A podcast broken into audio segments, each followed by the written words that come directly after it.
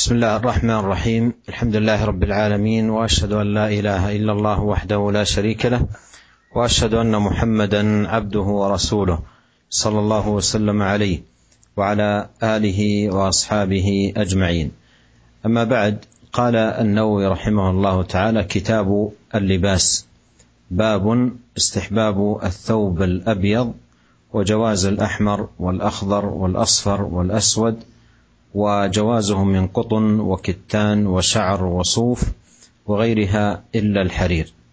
هذا الكتاب بتبويباته النافعة آه، يقرر فيه النووي رحمه الله تعالى ما يتعلق بالأحكام والآداب التي تختص باللباس.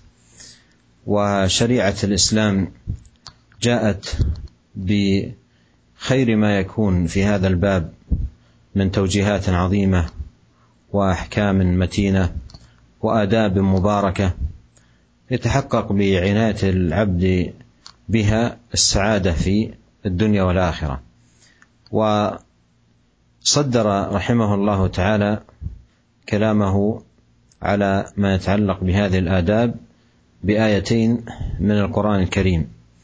هما قول الله سبحانه وتعالى يا بني آدم قد أنزلنا عليكم لباسا يواري سوآتكم وريشا ولباس التقوى ذلك خير.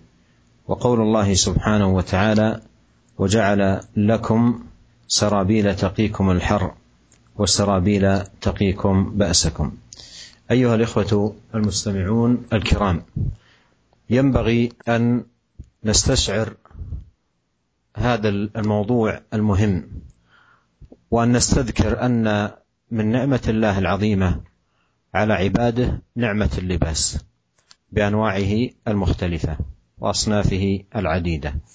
يقول الله تعالى مذكرا بهذه النعمة والله جعل لكم من بيوتكم سكنا وجعل لكم من جلود الأنعام بيوتا تستخفونها يوم ظعنكم ويوم إقامتكم ومن أصوافها وأوبارها وأشعارها أثاثا ومتاعا إلى حين.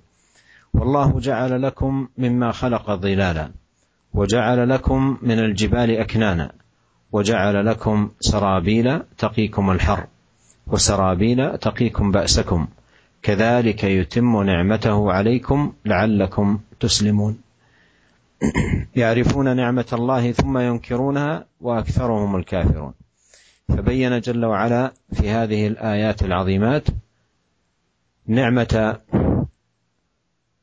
نعمته على عباده بأن جعل لهم سرابيل وهي القمصان ونحوها من ثياب القطن والكتان والصوف يتقون بها الحر والبرد ويتجملون بها ويسترون بها عوراتهم. فلا ريب معاشر المستمعين الكرام أن اللباس نعمة عظيمة ومنة كبيرة. يجب على عبد الله المؤمن أن يقوم بشكرها وأن يستعملها في طاعة الله ورضوانه وما يقرب إليه وأن يحذر أشد الحذر من مخالفة أمر الله في اللباس في صفته ونوعه وشروطه وضوابطه وآدابه التي جاءت بها شريعة الإسلام. وليحذر المسلم في هذا الباب من كيد الشيطان ومكره وطرقه الخفية لصد الإنسان عن الحق في هذا الباب وإيقاعه في أنواع من المخالفات. فقد بين الله تعالى أن عدوه الشيطان أن عداوة الشيطان للإنسان في هذا الأمر وغيره قديمة. وذكر سبحانه في القرآن احتياله على الأبوين ووسوسته لهما ليبدي لهما ما وري عنهما من سوآتهما. ودخل عليهما في هذا الأمر من طرق خفية وظهر لهما بصورة الناصح الأمين وحلف لهما على ذلك ودلاهما بغرور أي أنزلهما عن رتبتهم العلية التي البعد عن المعاصي والذنوب إلى الوقوع فيها. يقول الله تعالى ويا آدم اسكن أنت وزوجك الجنة وكلا من حيث شئتما ولا تقربا هذه الشجرة فتكونا من الظالمين. فوسوس لهما الشيطان ليبدي لهما ما وري عنهما من سوآتهما وقال وقال ما نهاكما ربكما عن هذه الشجرة إلا أن تكون ملكين أو تكون من الخالدين. وقاسمهما إني لكما لمن الناصحين. فدلاهما بغرور فلما ذاق الشجرة بدت لهما سوآتهما وطفقا يخصفان عليهما من ورق الجنة وناداهما ربهما ألم أنهكما عن تلك الشجرة؟ عن تلكما الشجرة وأقل لكما إن الشيطان لكما عدو مبين. قال ربنا إنا ظلمنا أنفسنا وإن لم تغفر لنا وترحمنا لنكونن من الخاسرين. Bismillahirrahmanirrahim Alhamdulillah segala puji bagi Allah Rabb semesta alam. Aku bersaksi bahasanya tidak ada sesembahan yang berat disembah kecuali Allah. Tidak ada sekutu baginya. Dan aku bersaksi bahasanya Muhammad adalah hambanya dan juga utusannya. Semoga salawat dan salam senantiasa Allah subhanahu wa ta'ala limpahkan kepada beliau Keluarga beliau, beliau para sahabat beliau Dan orang-orang yang mengikuti mereka dengan baik. Hadirin pendengar yang dimuliakan oleh Allah Subhanahu wa taala. Sampai kita kepada Kitabul Libas yaitu kitab yang berkaitan dengan pakaian di dalam kitab Riyadhus Salihin. Sampai kita kepada bab disunahkannya memakai pakaian yang berwarna putih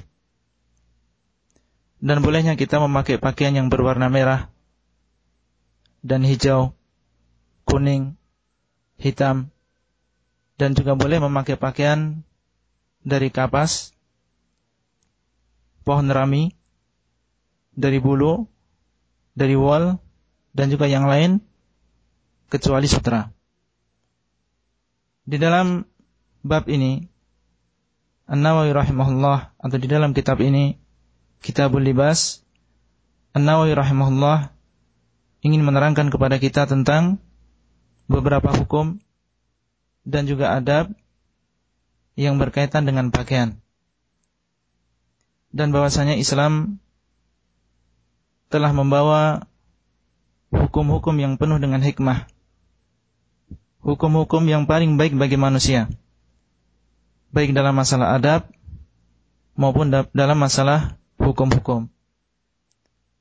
Dan ini semua tujuannya adalah satu, supaya mereka mendapatkan kebahagiaan di dunia maupun di akhirat. Dan beliau rahimahullah memulai bab ini dengan menyebutkan dua ayat yang mulia. Yang, pertama, yang pertama adalah firman Allah Subhanahu wa "Ya bani Adam, qad anzalna 'alaikum libasan yuwari sawatikum warisha wa libasut taqwa dzalika khair. Yang artinya wahai anak Adam telah kami turunkan kepada kalian pakaian yang menutupi aurat kalian dan juga sebagai perhiasan. Wa libasut taqwa dzalika khair. Dan pakaian ketakwaan itu lebih baik. Kemudian ayat yang kedua adalah firman Allah Subhanahu wa taala, "Wa ja'ala lakum sarabila taqikumul harra wa sarabila taqikum ba'sakum." Dan dia Allah Subhanahu wa taala telah menjadikan untuk kalian pakaian-pakaian yang menjaga kalian dari panas dan juga pakaian-pakaian yang menjaga kalian ketika dalam keadaan perang. Ini adalah dua ayat yang disebutkan oleh Ibnu oleh An-Nawawi rahimahullah di awal kitab ini. Dan hendaknya seorang muslim merasakan kenikmatan yang besar yang Allah berikan berupa pakaian ini. Dan sesungguhnya termasuk nikmat Allah yang paling besar adalah nikmat pakaian dengan berbagai macam jenisnya. Allah SWT berfirman di dalam Al-Quran mengingatkan kita tentang besarnya kenikmatan ini. Allah mengatakan dalam surat An-Nahl ayat ke-80 sampai 83, "Wallahu ja'ala lakum min buyutikum sakana wa ja'ala lakum min juludil an'ami buyutan tastakhifunaha yawma dha'nikum wa yawma iqamatikum wa min aswafiha wa ubariha wa ash'ariha athathan wa mata'an ila hin wallahu ja'ala lakum mimma khalaqa dhilala wa ja'ala lakum minal jibali aknana wa ja'ala lakum sarabila taqikumul harra wa sarabila taqikum ba'sakum kadzalika yutimmu ni'matahu 'alaikum la'allakum tuslimun ya'rifuna ni'matallah thumma yunkirunaha wa aktsaruhumul kafirun setelah Allah SWT menyebutkan beberapa, nikmat di antaranya adalah nikmat pakaian yang menjaga kita dari panas dan menjaga kita dari ketika dalam keadaan perang Allah mengatakan kadzalika yutimmu ni'matahu alaikum. Demikianlah Allah SWT menyempurnakan kenikmatannya atas kalian. La'allakum tuslimun semoga kalian menyerahkan diri kalian kepada Allah ya'rifuna nikmatallah thumma yunkirunaha wa aktsaruhumul kafirun mereka mengetahui nikmat-nikmat Allah, kemudian mereka mengingkari dan sebagian besar mereka adalah kufur dengan kenikmatan Allah Subhanahu wa taala. Dalam ayat yang mulia ini Allah Subhanahu wa taala menyebutkan kenikmatan-kenikmatan yang besar atas hamba-hambanya di antaranya adalah kenikmatan pakaian. Baik dengan segala jenisnya baik yang berasal dari kapas atau dari rami atau dari wall yang dengan pakaian tersebut mereka bisa terjaga dari panas dan dingin. Dan dengan pakaian tersebut mereka bisa berhias dan juga menutupi aurat mereka. Tidak diragukan lagi bahasanya pakaian adalah kenikmatan yang besar dan anugerah yang besar yang wajib bagi seorang hamba Allah yang beriman untuk bersyukur dan menggunakan pakaian ini di dalam ketaatan kepada Allah Subhanahu wa taala dan juga untuk mencari keridhaannya dan juga untuk mencari kedekatan kepada Allah Subhanahu wa taala. Dan hendaklah seorang mukmin berhati-hati dari menyelisih perintah Allah taala di dalam masalah pakaian ini. Baik dalam sifatnya jenisnya, syarat-syaratnya, maupun aturan-aturannya, dan juga adab-adab yang dibawa oleh syariat ini. Dan tidaklah seorang muslim berhati-hati dari tipu daya setan. Dan juga jalan-jalannya yang sangat tidak diketahui atau sangat samar untuk mencegah manusia, menghalangi manusia dari kebenaran di dalam masalah pakaian ini dan bagaimana usaha mereka yaitu setan untuk menjerumuskan manusia di dalam berbagai maksiat kepada Allah Subhanahu wa taala. Allah Subhanahu wa taala telah menjelaskan di dalam Al-Qur'an bahwasanya permusuhan setan terhadap manusia di dalam masalah ini yaitu dalam masalah pakaian dan juga masalah yang lain ini sudah lama. Allah menyebutkan di dalam Al-Qur'an bagaimana tipu daya mereka, tipu daya setan terhadap kedua orang tua kita dan bagaimana mereka atau setan tersebut membisik-bisiki kedua orang tua kita yaitu Adam dan juga Hawa supaya terbuka aurat mereka. Dan mereka atau setan tersebut masuk di dalam masalah pakaian ini dengan cara yang sangat samar. Dan dia menampakkan dirinya sebagai seorang yang menasehati dan ikhlas di dalam menasehati kedua orang tua kita sampai mereka sampai setan tersebut bersumpah bersumpah untuk merendahkan derajat kedua orang tua kita dengan melakukan kemaksiatan kepada Allah Subhanahu wa taala. Allah Subhanahu wa taala berfirman, "Wa ya Adam uskun anta wa zawjukal jannah wa kula min haitsu syi'tuma wa la taqrabu hadhihi syajarah fatakuna minadh dhalimin."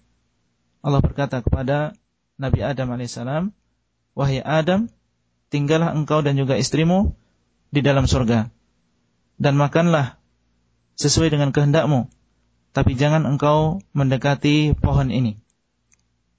Fatakuna minadh zalimin karena nanti kalian berdua akan termasuk menjadi orang-orang yang zalim. fawaswasa lahum syaitan liyubdiya lahum ma anhuma min sawatihima. Maka setan mewaswasi mereka, membisiki mereka berdua supaya menampakkan aurat mereka. Wa qala ma nahakuma rabbukuma an hadhihi sajarah illa an takuna malaikaini aw takuna minal khalidin. Setan berkata, tidaklah Allah melarang kalian berdua dari pohon ini kecuali supaya kalian tidak menjadi dua orang malaikat atau supaya kalian tidak ter, tidak menjadi orang yang kekal di dalam surga. Wa qasamahuma inni lakuma minan nasihin.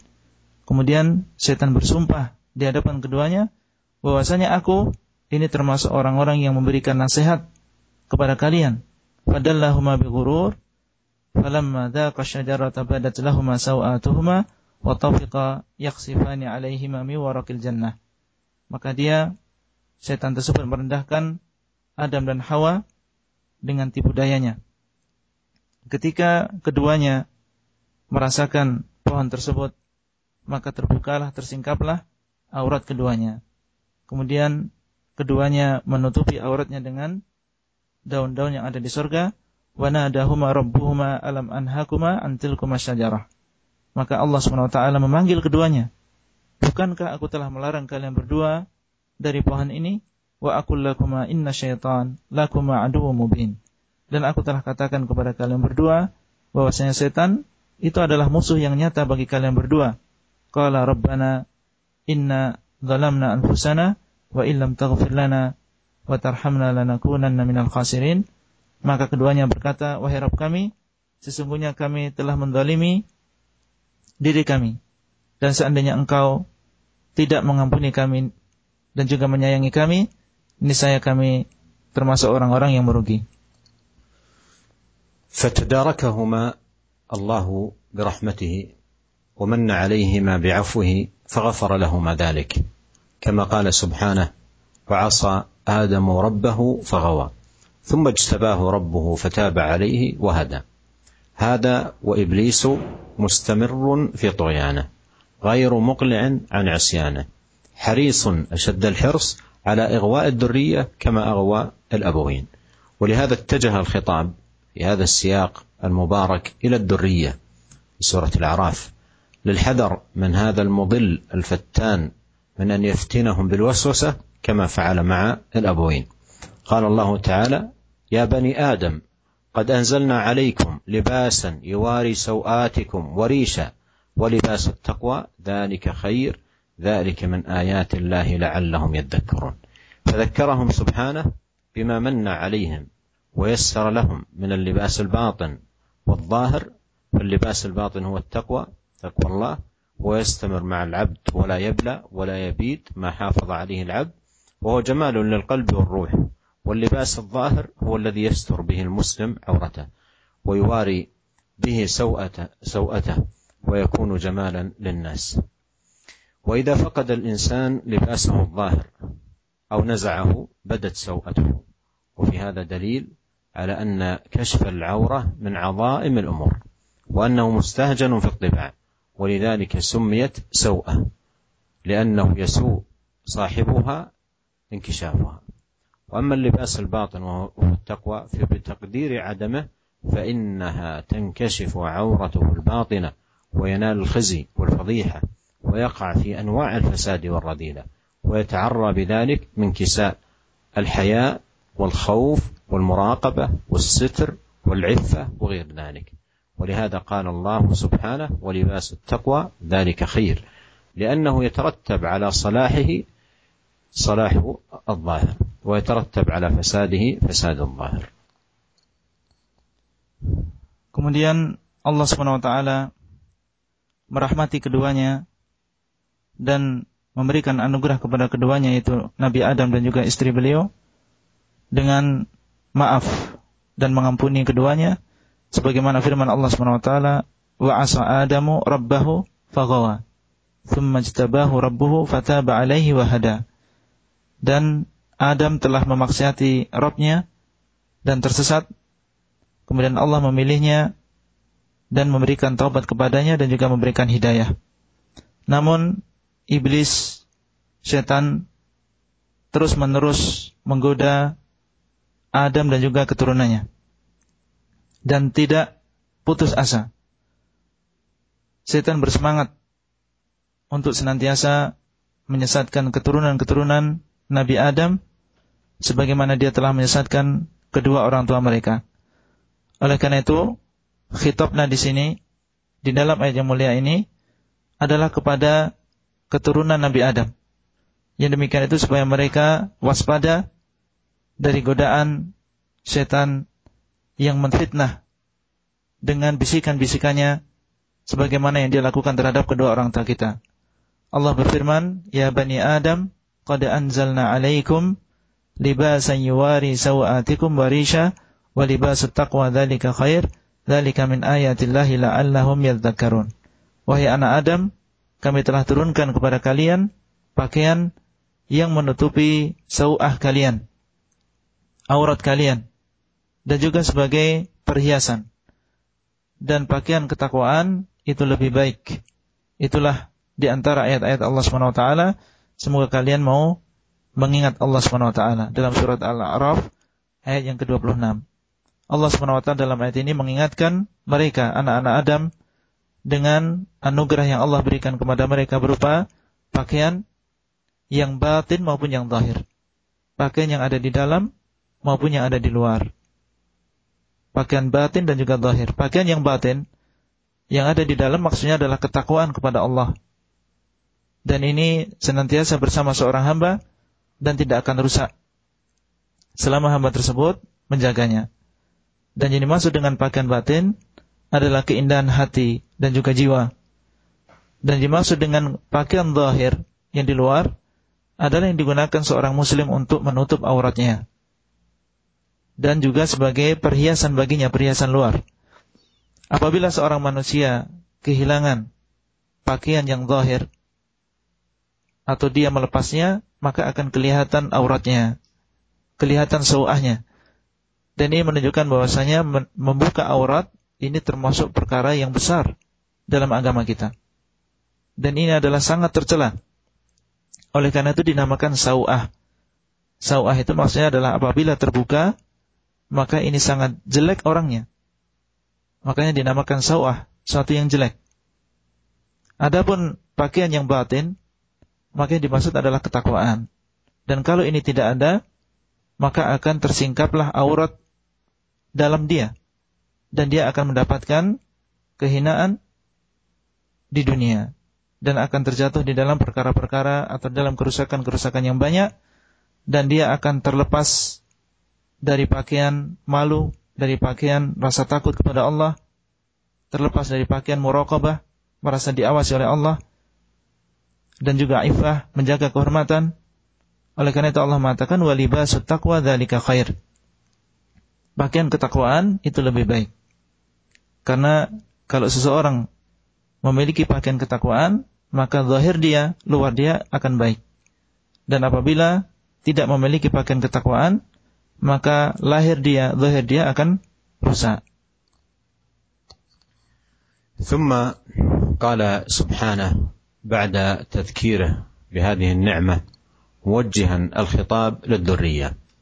يا بني آدم لا يفتننكم الشيطان كما أخرج أبويكم من الجنة.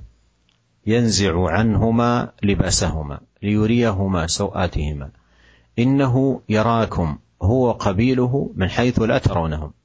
إنا جعلنا الشياطين أولياء للذين لا يؤمنون. فحذر سبحانه الذرية من أن يفعل بهم الشيطان كما فعل بأبيهم بأن يزين لهم المعاصي ويرغبهم في المحرمات ويوقعهم في الخطيئة. وأخبر سبحانه أن هذا العدو يراهم من حيث لا يرونه. قال مالك بن دينار إن عدوا يراك ولا تراه لشديد المؤنة إلا من عصم الله.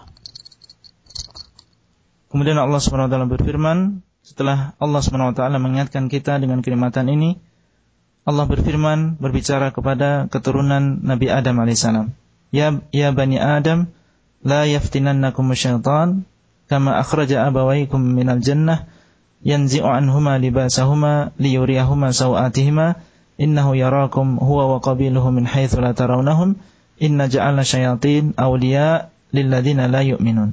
Wahai anak Adam jangan sampai kalian terfitnah oleh setan sebagaimana setan telah mengeluarkan kedua orang tua kalian dari surga setan telah melepaskan pakaian dari keduanya untuk supaya tampak aurat keduanya. Sungguhnya dia melihat kalian, dia dan juga kelompoknya, sementara kalian tidak melihat dia. Sungguhnya kami telah menjadikan bagi syaitan wali-wali atau telah menjadikan syaitan sebagai wali-wali bagi orang-orang yang tidak beriman. Maka Allah SWT mengingatkan keturunan Nabi Adam supaya jangan sampai mereka terfitnah oleh setan sebagaimana terfitnah kedua orang tua mereka dengan menghias-hiasi kemaksiatan dan juga mendorong mereka untuk berbuat yang haram dan juga mendorong mereka menjerumuskan mereka di dalam dosa. Dan Allah mengabarkan bahwasanya musuh ini yaitu setan melihat anak-anak Adam melihat manusia sementara manusia tidak melihatnya. Berkata Malik bin Dinar yang artinya sesungguhnya seorang musuh yang melihat kamu dan kamu tidak melihatnya, sungguh ini adalah suatu yang berat. Kecuali bagi orang yang Allah jaga. أيها الإخوة المستمعون وبهذه اللفتة القوية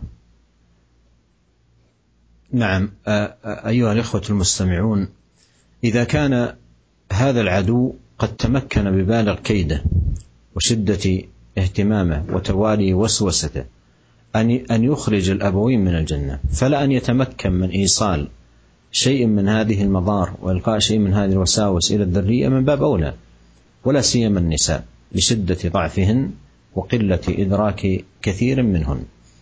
وبهذه اللفتة القوية حذر تعالى بني آدم منه من الشيطان بالاحتراز الدائم من كيده ووسوسته. وختم سبحانه الآية بقوله إنا جعلنا الشياطين أولياء للذين لا يؤمنون. أما المؤمنون فليس له سلطان عليهم. إنما سلطانه على الذين يتولونه والذين هم به مشركون. ولهذا فبقدر ضعف الإيمان في الإنسان يكون نفوذ الشيطان إليه Oleh karena itu apabila musuh kita telah berhasil menggoda kedua orang tua kita dan mengeluarkan kedua orang tua kita dari surga, maka tentunya untuk menggoda kita sebagai keturunannya ini lebih mudah bagi setan. Apalagi kaum wanita yang mereka adalah kaum yang sangat lemah dan kurang akalnya. Oleh karena itu Allah SWT mengingatkan anak Adam supaya waspada dari waswas syaitan. Allah menutup ayat yang mulia ini, Inna ja'alna syayatin awliya lilladzina la yu'minun. Kami telah jadikan setan-setan ini sebagai wali-wali bagi siapa? Bagi orang-orang yang tidak beriman. Dijadikan setan ini teman, dijadikan pembantu, dijadikan wali-wali bagi orang-orang yang tidak beriman. Adapun orang-orang yang beriman, maka setan tidak mampu untuk menggoda mereka. Karena kekuatan setan, godaan setan itu bagi orang-orang yang tawalli dan juga berloyalitas kepada setan. Mengikuti godaan setan, mengikuti was-was setan, bisikan setan Dan juga orang-orang yang musyrikin. Inilah orang-orang yang termasuk wali-wali setan.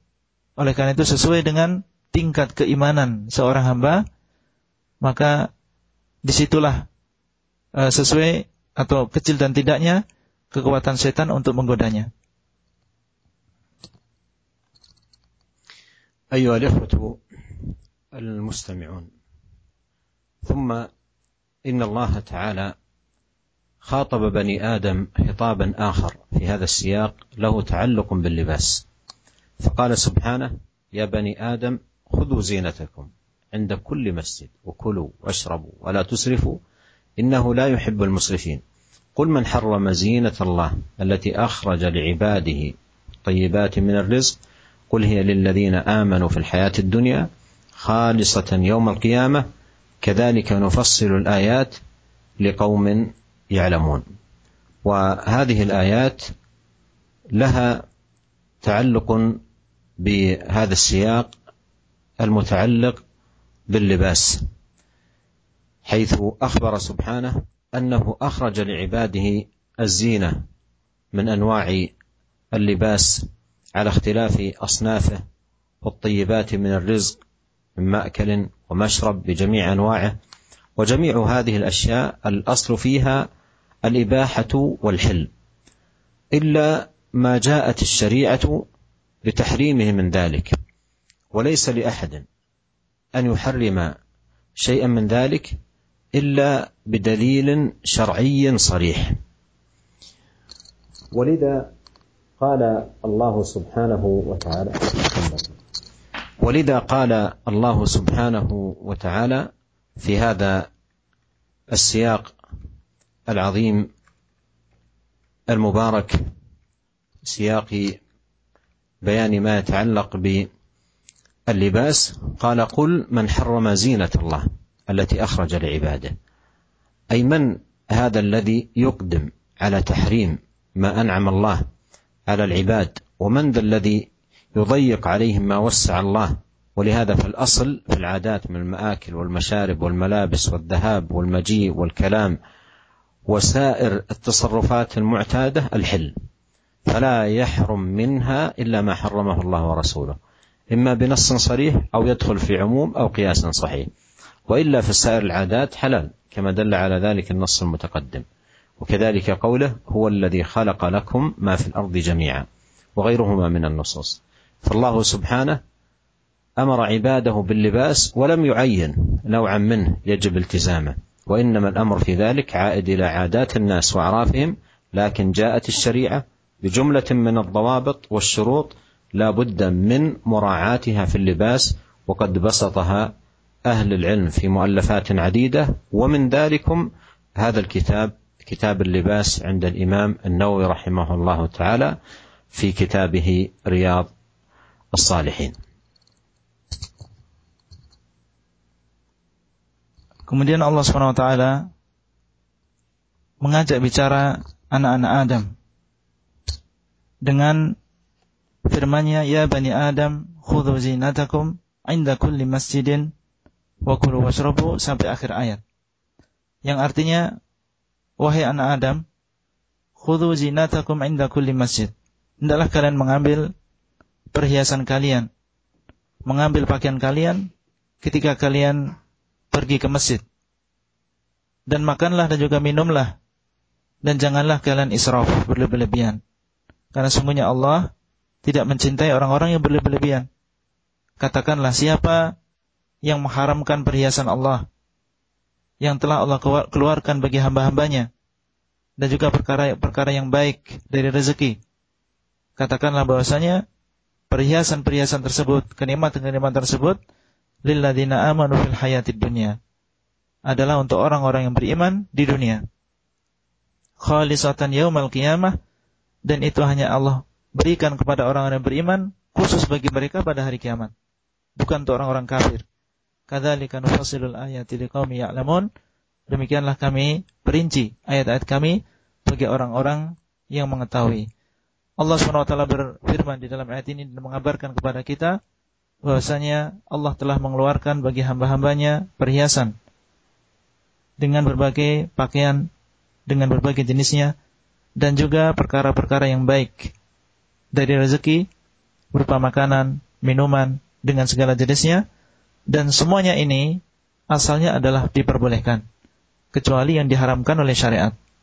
Tidak boleh seseorang mengharamkan sesuatu dari perkara-perkara yang dibolehkan tersebut kecuali dengan dalil yang syar'i yang jelas.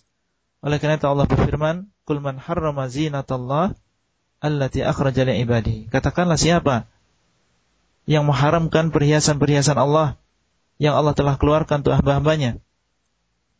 Maksudnya adalah siapa yang berani untuk mengharamkan sesuatu yang telah Allah berikan, yang telah Allah berikan kenikmatan kepada hamba-hambanya. Siapa yang telah mempersempit sesuatu yang telah Allah luaskan. Oleh karena itu asal dari adat adat istiadat adalah seperti misalnya makanan, minuman, pakaian. kemudian pergi dan juga masuk, datang, berbicara. Ini semua adalah asalnya adalah diperbolehkan, halal. Tidak haram kecuali yang Allah haramkan dan juga diharamkan oleh Rasulnya. Mungkin dengan nas yang soreh, yang jelas, ataupun masuk di dalam keumuman dalil. Atau dengan kias yang diperbolehkan yang benar. Jadi pada asalnya yang namanya adat istiadat adalah diperbolehkan. Sebagaimana uh, ayat di atas. Demikian pula firman Allah, "Huwallazi khalaqalakum ma fil ardi jami'an." Dia dialah yang telah menciptakan bagi kalian apa yang ada di bumi semuanya. Artinya menunjukkan bahasanya asal dari sesuatu adalah diperbolehkan. Allah SWT telah memerintahkan hamba-hambanya untuk berpakaian dan tidak menentukan suatu pakaian tertentu yang wajib untuk dipakai oleh hamba-hambanya. Akan tapi perkaranya dalam masalah ini adalah dikembalikan kepada adat istiadat manusia. Dan syariat hanya memberikan beberapa kaidah-kaidah dan syarat-syarat dari pakaian yang hendaknya diperhatikan oleh hamba-hambanya.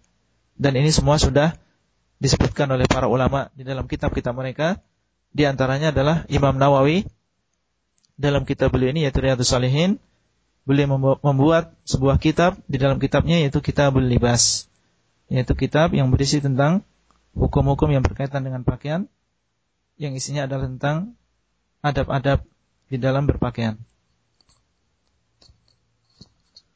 ومن أهم ما ينبغي مراعاته فيما يتعلق أحكام اللباس والضوابط التي تتعلق به من أهم ما يكون في هذا الباب أن يحذر المسلم من التشبه بالكفار فيما هو من خصائصهم.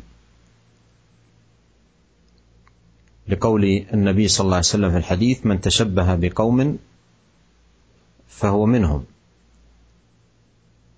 وجاء في صحيح مسلم عن عبد الله بن عمرو بن العاص رضي الله عنهما أن رسول الله صلى الله عليه وسلم رأى عليه ثوبين معصفرين فقال إن هذه من ثياب الكفار فلا تلبسها.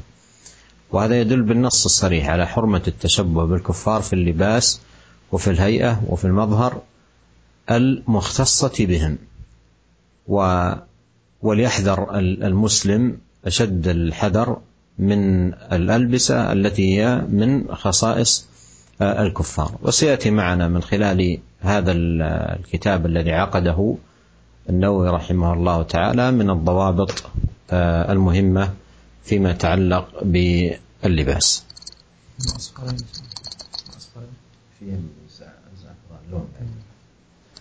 Kemudian di antara kaidah-kaidah yang berkaitan dengan masalah pakaian ini bahwasanya seorang muslim tidak boleh memakai pakaian yang menyerupai pakaian orang kafir.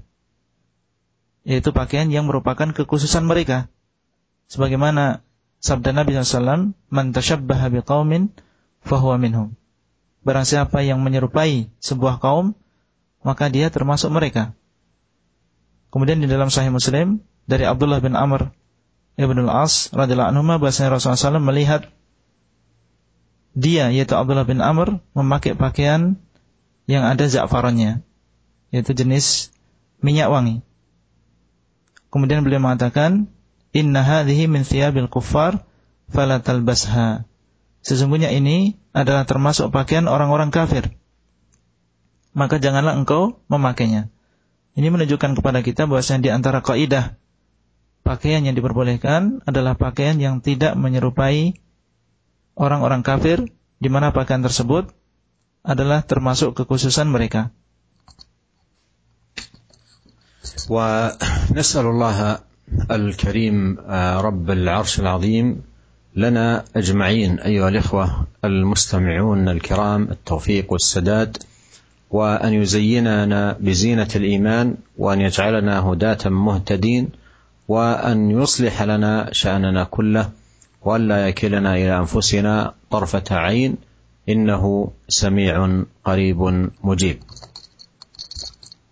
Kita memohon kepada Allah Subhanahu wa taala yang Maha Al-Karim, At-Taufik dan juga hidayah dan kita uh, memohon kepada Allah semoga Allah SWT menambah keimanan kita semua dan menjadikan kita termasuk orang-orang yang memberikan hidayah dan juga orang-orang yang mendapatkan hidayah. Dan kita memohon kepada Allah semoga Allah SWT memperbaiki urusan kita semua dan tidak menjadikan kita bertawakal terhadap diri kita sendiri. Sungguhnya Allah SWT maha dekat dan maha mengabulkan doa kita. Terima kasih jazakallah khairan kepada Fadilatul Syekh yang telah menyampaikan uh, mukadimah dari bahasan Kitabul Libas dari Kitab Riyadhus Salihin yang disampaikan secara langsung di sore hari ini dan di Khotal Islam saudaraku seiman ada tersisa bagi kita 4 menit ke depan untuk memberikan kesempatan bagi Anda yang akan bertanya secara langsung dan kami angkat pertanyaan pertama dari pendengar via penelpon. Nah, baik tertutup, uh, terputus. Kami angkat pertanyaan yang datang dari pendengar kita melalui pesan singkat dari dua penanya yang berkaitan. Assalamualaikum warahmatullahi wabarakatuh ya Syekh. Di saat dakwah ahlu sunnah menyebar di masyarakat Indonesia, disertai juga dengan adanya pakaian-pakaian yang tidak secara langsung menjadi ciri dari dakwah ahlu sunnah wal jamaah. Apakah memang eh, demikian adanya dan hal itu disyariatkan untuk eh, secara khusus menjadikan pakaian-pakaian tertentu untuk menilai sebuah uh, kajian atau sebuah jamaah. Jazakallah khairan ya Syekh.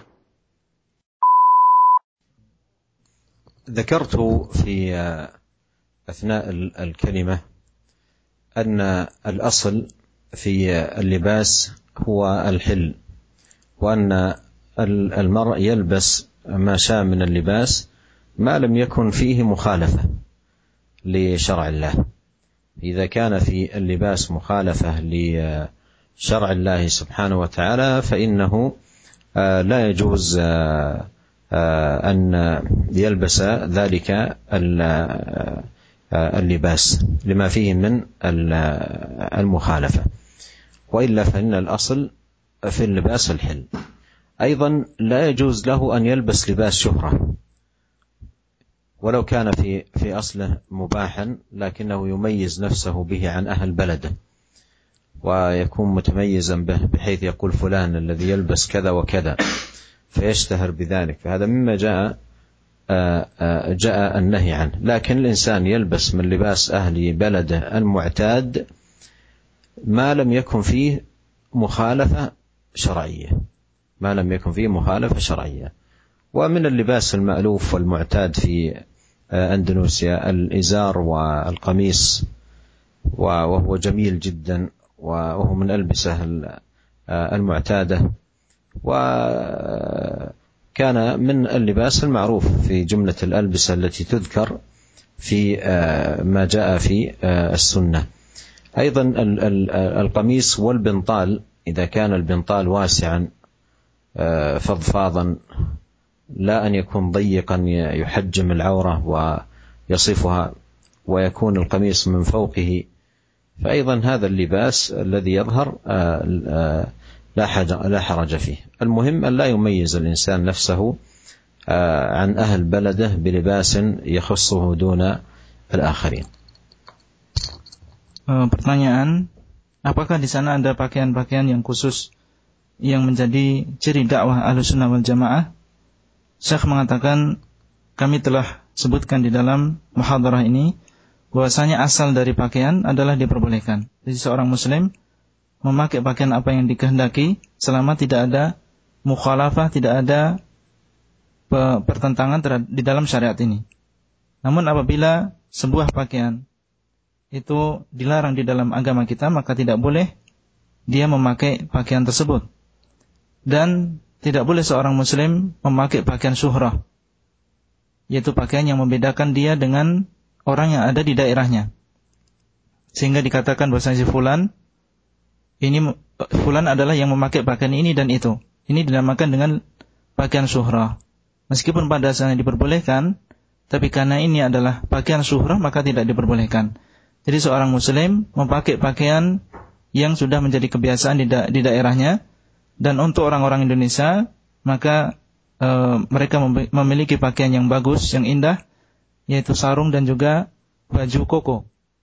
Dan e, yang penting, ketika memakai e, bantolon atau memakai celana panjang, ini memakai celana panjang yang luas dan tidak yang longgar, yang tidak mensifati atau menunjukkan aurat. Ya, dan e, setahu saya yang yang dohir bagi saya ini adalah pakaian yang diperbolehkan.